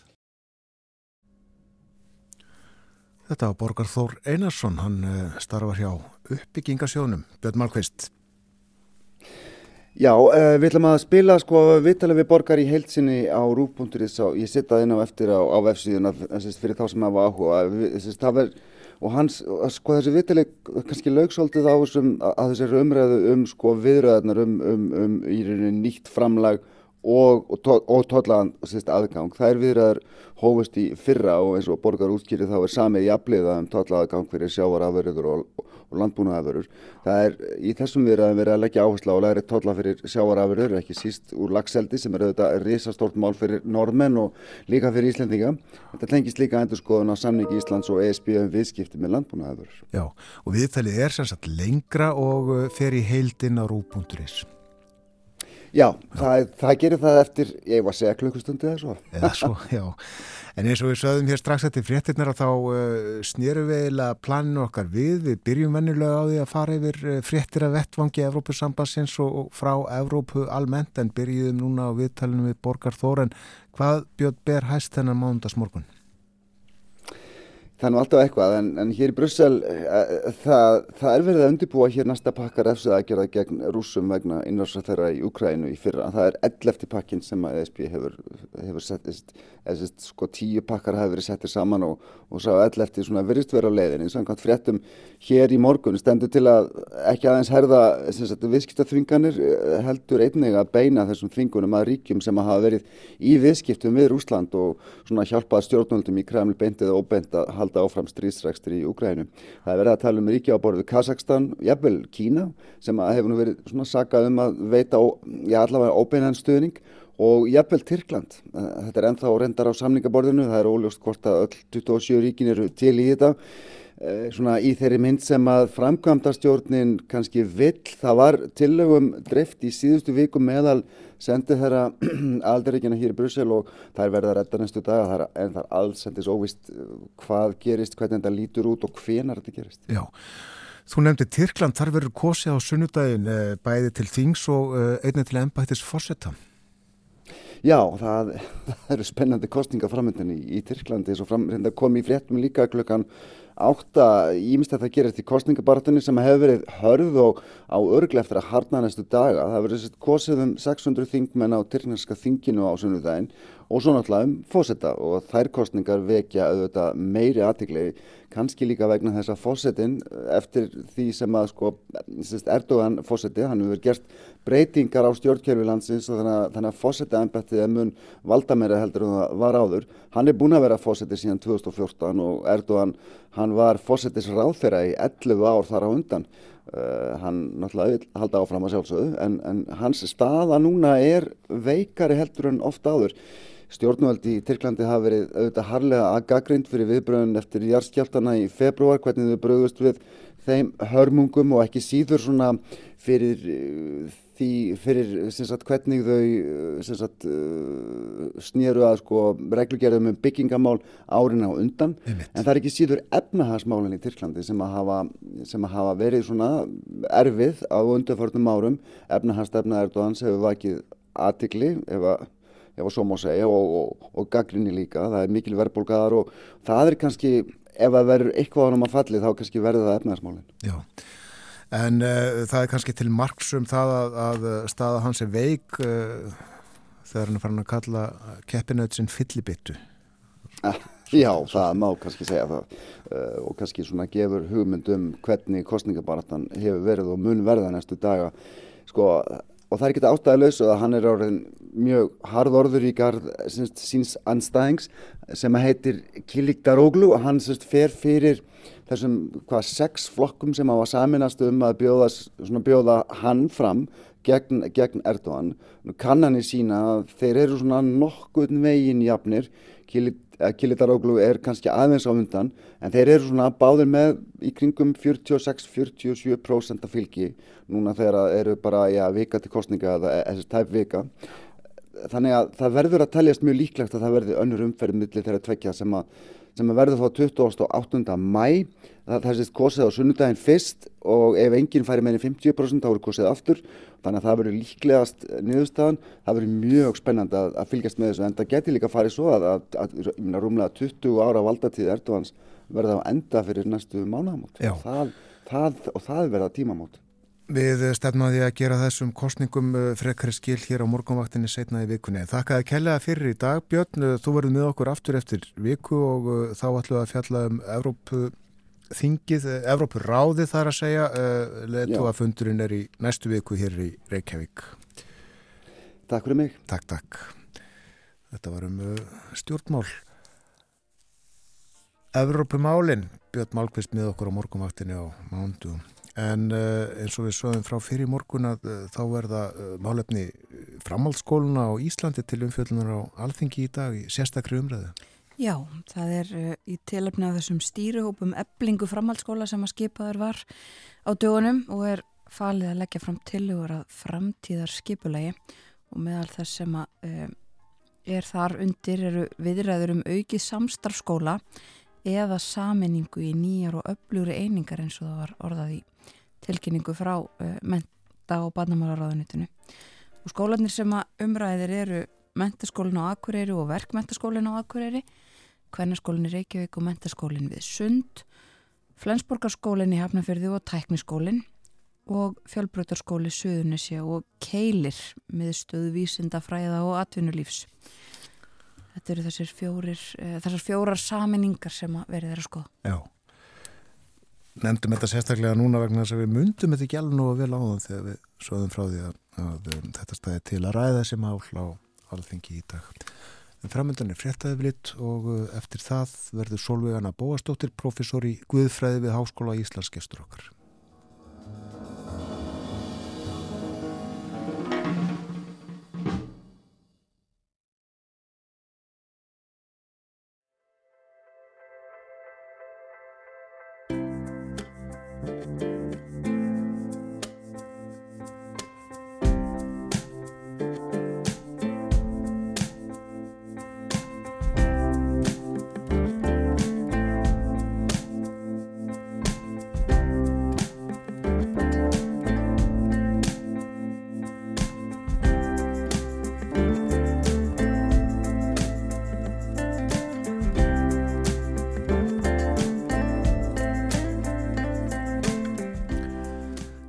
Hlusta á morgumvaktina á ráseitt, klukkan er núna réttlilega hálf nýju.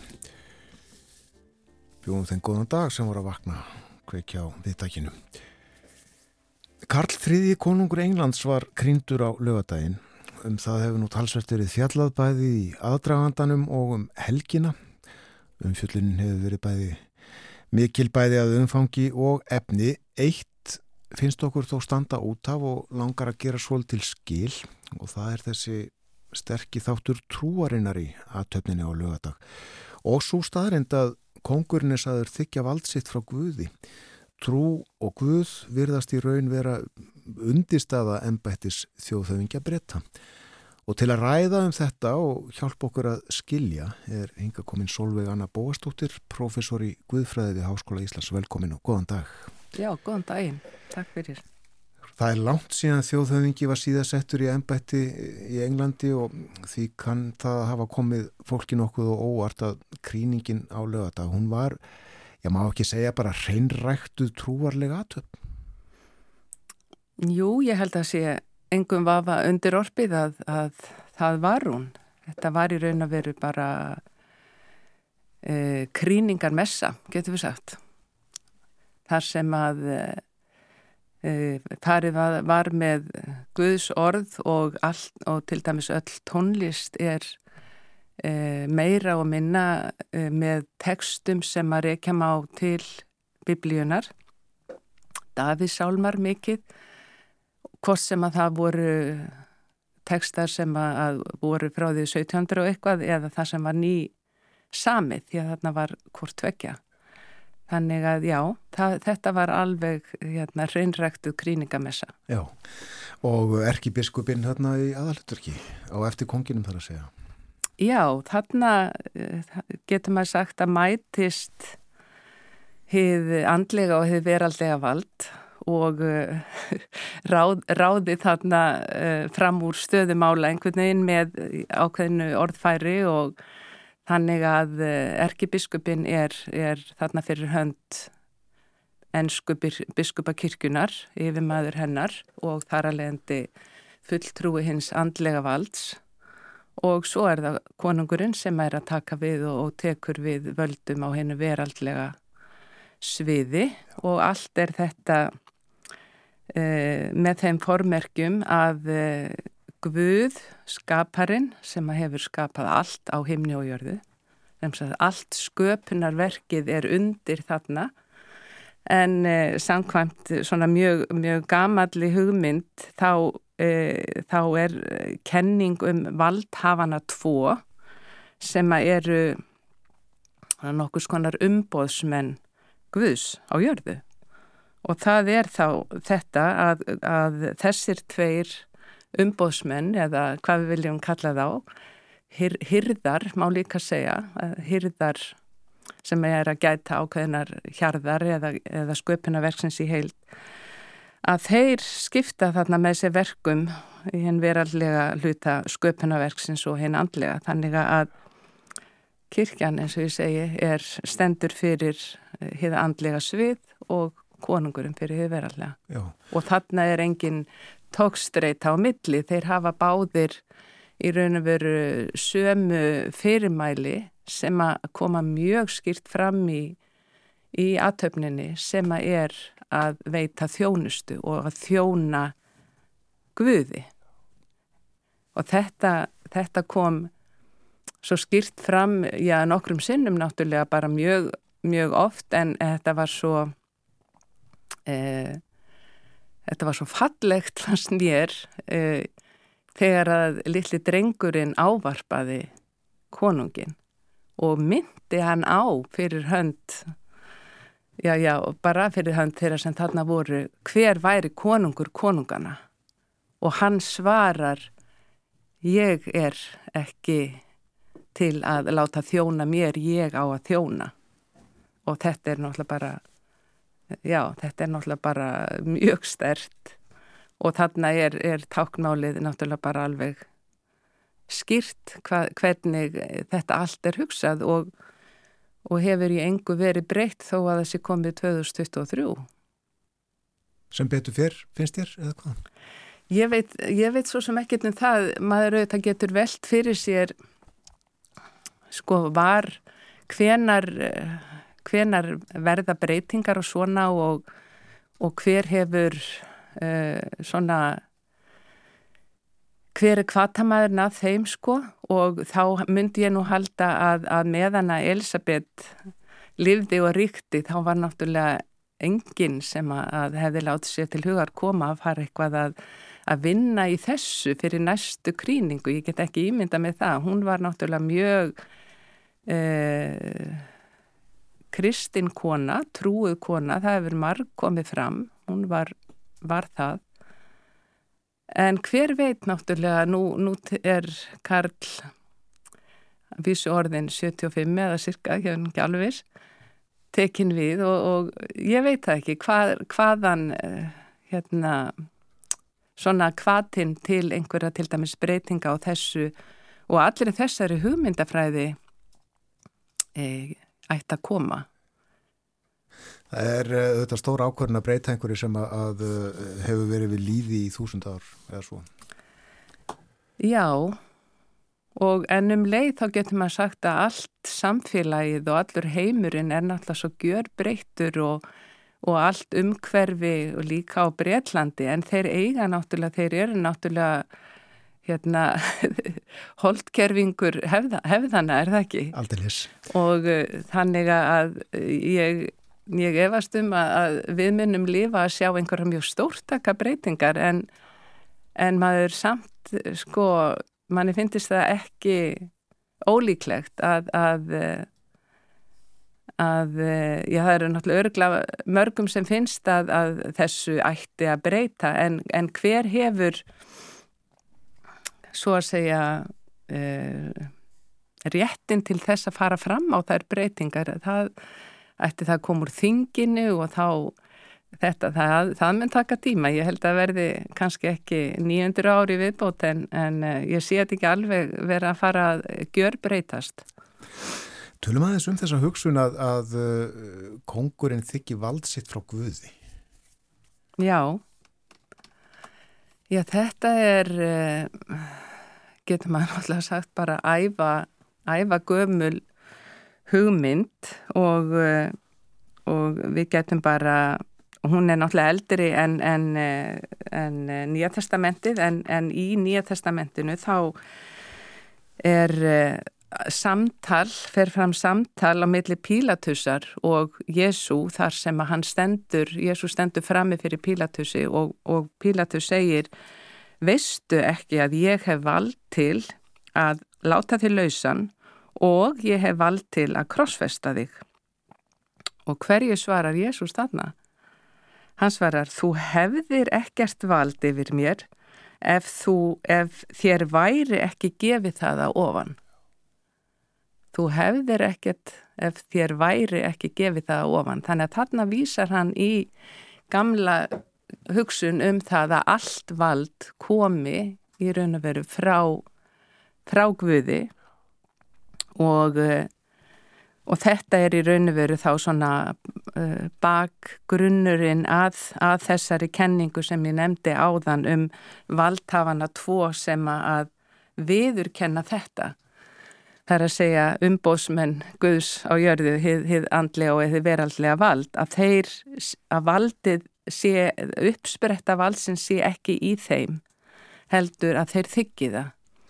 Og þetta er náttúrulega þá táknmálið um, sem vorum að tala um áðan mjög stert, sínir mjög stert að þetta, þetta er svona þannig að eh, og þó að við sjáum þetta í þessari kríningarmessu fyrir ennsku biskupakirkuna þá er þessi hugmynd ekkert, ekkert sér ennsk eða neitt slikt, hún er algjörlega bara forn kristin og kemur uh, úr, úr geðingdómi sem að, að er náttúrulega hinn hluti biblíunar og uh, þannig að uh, en, en aftur að þessu hvað merkir þetta í dag að segja þetta og af hverju hérna er þessu ekki breytt bara? Eða og þessu þetta hefur verið breytt þar sem að er ekki konungur og allt það.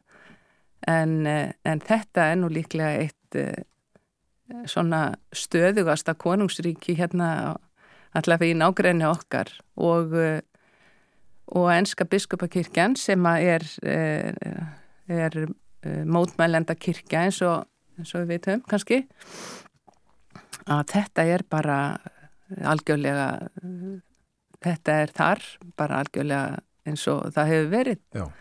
og ég myndi nú halda að ef þú spyrði lúterska guðfræðinga hér á Norðurlöndunum að þeir myndu nú bara svara í sömu á sama hátt að, að það hefði ekkert breytt því að þessari sín á þessan svona guðskilningi að, að þaðan væri allt vald en, en ekki í, í þeirri merkingu að konungur geti af gethóta ráskast með eitt eða neitt. Og það er kannski hinn hlutin í, í þessari valda hugsun að, að það er undirstryka svo marg sinnist þarna þrátt fyrir þessi tákn með öll sverðin sem eru, eru þarna að, að Það er tvent sem á að enkenna vald konungs og það er réttlæti og það er miskun og að allt hans vald er í þáu þjóðarinnar. Þannig að enska biskupakirkjan er mjög sterk þjóðkirkja og, og þjóðin mjög miðlæg í, í öllu þar bara á sittpanhátt og, og við þekkjum á Norðurlöndunum og, og hér í Norður-Európu en hún er kannski bara Já, ég tristi mér nú ekki til að segja neitt af, svona, af vissu um það en hún er mjög sterk sem slík mm. og uh, já En uh, heldur að, að já, nú erum við kannski að tala um, um Karl, hann hefur auðvitað verið kongur bara í fáina mánuði en, en móður hans og, og síðustu kongar þar á undan hefur eitthvað hugmyndum hvort að þeir lifi sérstaklega á starfi eftir þessu? Þarna ertu nú kannski komin inn í sko eitthvað sem að, ég, sem að sak, sakfræðingar væri betri í að, að, að svara og auðvitað hef ég bara eins og, eins og flestir, hérna, al, flestur almenningur, ég hef þetta nú aðalegur serjónum sem að maður hefur verið að horfa á sem eru náttúrulega bara svona sakfræði light, hugsa ég sko. já, já. En, eh, en mér finnst það að hafa verið gert uh, mjög mikið úr svona, svona heilindum Elisabetar í, í því sem að, að ég hef séð og, og ég bara trúi því að, að, að það standist allt saman. Hún hafi verið mjög heil og sönn náttúrulega í sínu hlutverki. Það hafi náttúrulega ymsar afleðingar kannski en ég er bara að meina hún hafi virkilega gengist og, og og viðurkent einhvern veginn sitt hlutver, hlutverk sem þessi uh, stjórnandi sem að, að væri, já, væri í þessari mildu og réttlátu stöðu um leið og hún hefur ekkert beinti vald, við vitum það náttúrulega, þetta snýst ekkert um það. Og það er kannski annað sem að mér fannst vera áhugavert að fylgjast með í aðtöfninni sjálfur það er eh, svona hversu, hversu uh, Karl uh, var uh, látin með orðum viðurkenna eða svona gangast við þessari stöðu með því að svara hérna, já, ég er villing og ég er tilbúin til þessa og, og ég er til þess að þjóna og allt þetta. Að gangast við stöðu sinni sem þess háttar uh, stjórnandi og, og konungur þá. Já, eðurinn sem hann uh, sór hann snýrist og snýst fyrst og fremst um trú og kirkju, er það ekki? Jú, ég held það, það sé alveg óhætt að segja það. Þannig að það er það sko í, í sam, samfélagin og menningunni í dag þá þá er svo sem ekkit uh, merkilegt að maður skuli mitt velta fyrir sér ætlan meini þetta nokkuð eða er þetta ekki bara svona einhver eh, dauðir siðir og eitthvað? Það við, munum við náttúrulega aldrei hérna vita en, en ég held að mér finnst allt benda til þess að hann sé ekki síður en móður hans afskaplega svona devoted í þessu öllu. Mjög algjörlega taka þetta mjög alvarlega og, og allt það God Save the King auðvitað stert stef og The Queen áður. Já. En uh, þeir hafa haldið hefðirnar í Breitlandi uh, og uh, margt hefur ekki breyst öldum saman en svo breyting var þó nú að nú tóku hvern prestar þátt og einnig fulltrúar annar að trúa bræða heldur en kristni Það beru óttum nýja tíma nýja, Já, nýja það er nefnilega algjörlega verðt að, að gera alls ekki lítið úr því því að þar sér maður kannski hérna, mestu breytinguna og, og og að okkur finnst er það ekki mjög hérna, rétta breytingu. Það er náttúrulega viðurkenning á öðrum trúabröðum og mér fannst það alveg ótrúlega stert að sjá alla, alla sem þarna voru sem voru fulltrúar fyrir, fyrir ímsa hérna, aðila í þeim efnum. Og svo varðandi hvern eh, presta og, og nú er komin ég held að sé ennþá bara einn hvern biskup í biskupakirkjunni að þar eins og annar staðar, þar hefur verið tekist eh, harkalega á um má, málefni hvenna og, og líka eh, varðandi hins einn fólk eftir svona bitbein eða þrætu eppli sem að hafa, allar kirkudeildir hafa hérna, þurft að vinna mikið með. Og hvað varðar ennsku biskupakirkjuna þá, þá er, er þar mjög sterk leikmannarhefing og af einhverjum ástæðum er, er hún íhaldsamasti armur kirkjunar og hefur í raun að veru á þeirra kirkju þingum þá hefur hún í raun að veru staðið þar sé leikmannarhefingin hinn hin íhaldsami armur hefur staðið lengst gegn breytingum til dæmis í varðandi kvennprestana en nú er það víi unnið en það víi sem er ekki unnið er, er, er hins eginn fólk Einmitt. hjá þeim. Haldur að komið að því? Ég, ég held það og, en það eins og það hefur unnist til dæmis í Norðurlanda kirkjónum, lútersku kirkjónum á Norðurlöndum þá er það fyrst og fremst með sterkum guðfræðilegum rökum þannig að ég held að það komi í raun og veru svo breyting gæti komið svolítið, ef maður segir ofanfrá, þar sé frá prestónum og, og biskupunum, en ekki því miður úr græsrútinni. Það svona lítur þannig út, en, en það, er, það er náttúrulega mjög gott og mjög stert að sjá hvernig Karl hefur alveg öruglega lagt sitt að mörgum að, að fá þessa fulltrúa annar trúabræða þannig. Takk að kellaði fyrir að koma hengað í þáttinn þennan morgunin Solveig Anna Bóastóttir Já, mín var án eðan Professor í Guðfræði við Háskóla Íslands. Við töluðum um gríningu Karls þrýðja konungs á lögadaginn Þetta var uh, trúaratöfn fór fram í kirkju Erkibiskupin stjórnaði kongurinn var smurður og uh, þarna voru sungnir trúarlegi salmar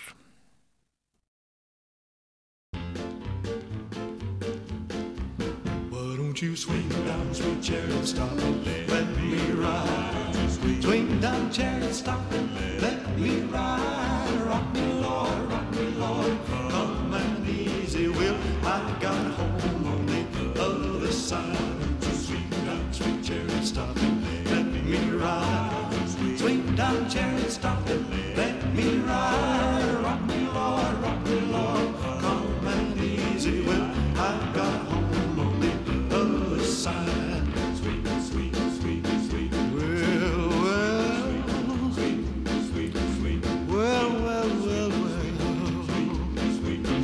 Ezekiel went down in the middle of the field. He saw an angel working on a chariot wheel. Wasn't so particular about the chariot wheel. Just wanted to see how a chariot feels. Why don't you swing down, sweet chariot, stop and let me ride? Swing down, chariot, stop it, let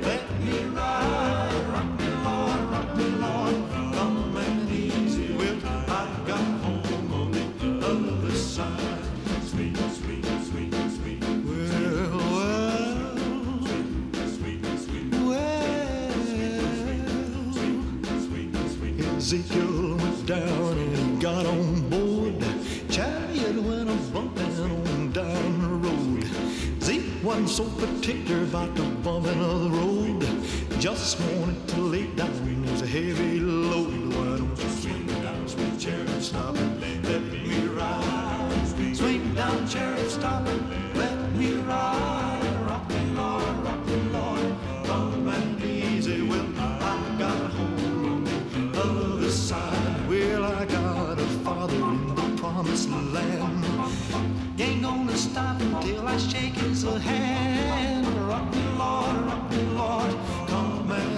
And easy. I got home on the other side. Why don't you swing down, sweet chariot, stop and let me ride?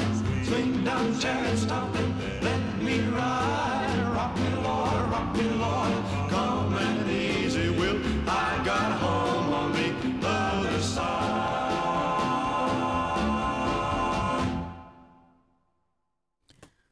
Swing Down Sweet Chariot söng Elvis Presley þetta er lag frá 1940 og eitthvað var þetta þekkt segir internetið mér en Elvis Presley tók það upp uh, og það var á plötu hans His Hand in Mine sem kom út ára 1960 femta plata Elvis og hann tók það svo aftur upp síðar uh, og það var þetta var sérstaklega fyrsta platan, gospelplatan uh, fyrsta af þremur sem að Presley gerði. Trúarlegt lag þó að það sé bandaríst en ekki af breskum uppruna. Við vorum með þetta með hugan við Bretland svona miklu leiti og þessa trúarlegu aðtöfn sem að var á lögadaginn kríningin eh, fyrst og fremst trúarlegt trúarlegt mál. Um, og í fyrsta sinn þá voru kvennprestar og uh, fulltrúar annara trúabræða við þessa aðtöfn það var ekki svo les árið 1953 þegar Elisabeth Drottning var krynd Solveigana Bóastóttir, professor í Guðfræði við Háskóla Íslands var hjá okkur og uh, við reddum þetta hér áðan. Og uh, þetta að uh, kongurinn þykji vald sitt frá Guði. Já, einmitt. Mikið talað um það og þetta að þetta snýst ekki um að þjóna konungi heldur að konungur þjóni. Honum er þó þjónað aldeilis. Sannlega. Og við sáum það nú bara líka í þessari aðtöfn. En það er annað mál. Um, við höfum heyrt frettir hér í morgun eins og við gerum nú yðurlega frá uh, Rúslandi og Úkrænu það er uh, verið að fjalla um um ímislegt sem að þeim málum tengist um, og Erlendi fjölmjölar svo litið með hugan líka við þannan sigur dag sem að rúsar halda upp á, á morgun. En í kvöld þá er einmitt þáttur á dagskrá Rúf í sjónvarpinu uh, klukkan 20 minnir yfir 10 í kvöld. Þetta er skuggastríð Pútins uh, þátt, þættir sem hafa vakið mikla aðtegli við það og eru sem sagt komnir á dagskrá hér fyrsti þátturinn í kvöld. Hefur nokkuð verið rætt um þennan þátt hér á morgunvaktinni, þetta er samanverkefni rannsóknarbladamannna hjá uh, Ríkissjónvarstöðunum hinum Norrænu þar að segja. Ríkis sjónvarpið íslenska var ekki með hafi bara ekki efni á því held ég að Bói Ákusson hafi sagt hérna hjá okkur um daginn. Já. en aðteglisverðið þættir sem að uh, verða sem sé síndir, þetta eru nokkri þættir og fyrsti á Daskra sjónvarsins í kvöld uh, eftir fréttina sagður Já, eftir tíu fréttir sínt mér 20 myndir yfir tíu í kvöld og auðvitað er þetta svo aðgengilegt í spilara og, og eins og eins og allt efni er. En þessu loki hjá okkur í dag, morgumaktin hveður, við verðum hér aftur á dagskroni í ferramálið. Við bjóðum góðan dag þegar klukkunum vantar svona tíu mínútur í sjö alla verka daga. Björn Þór og Þórun Elsabeth þakka samfélgina verði sæl og njóti dagsins.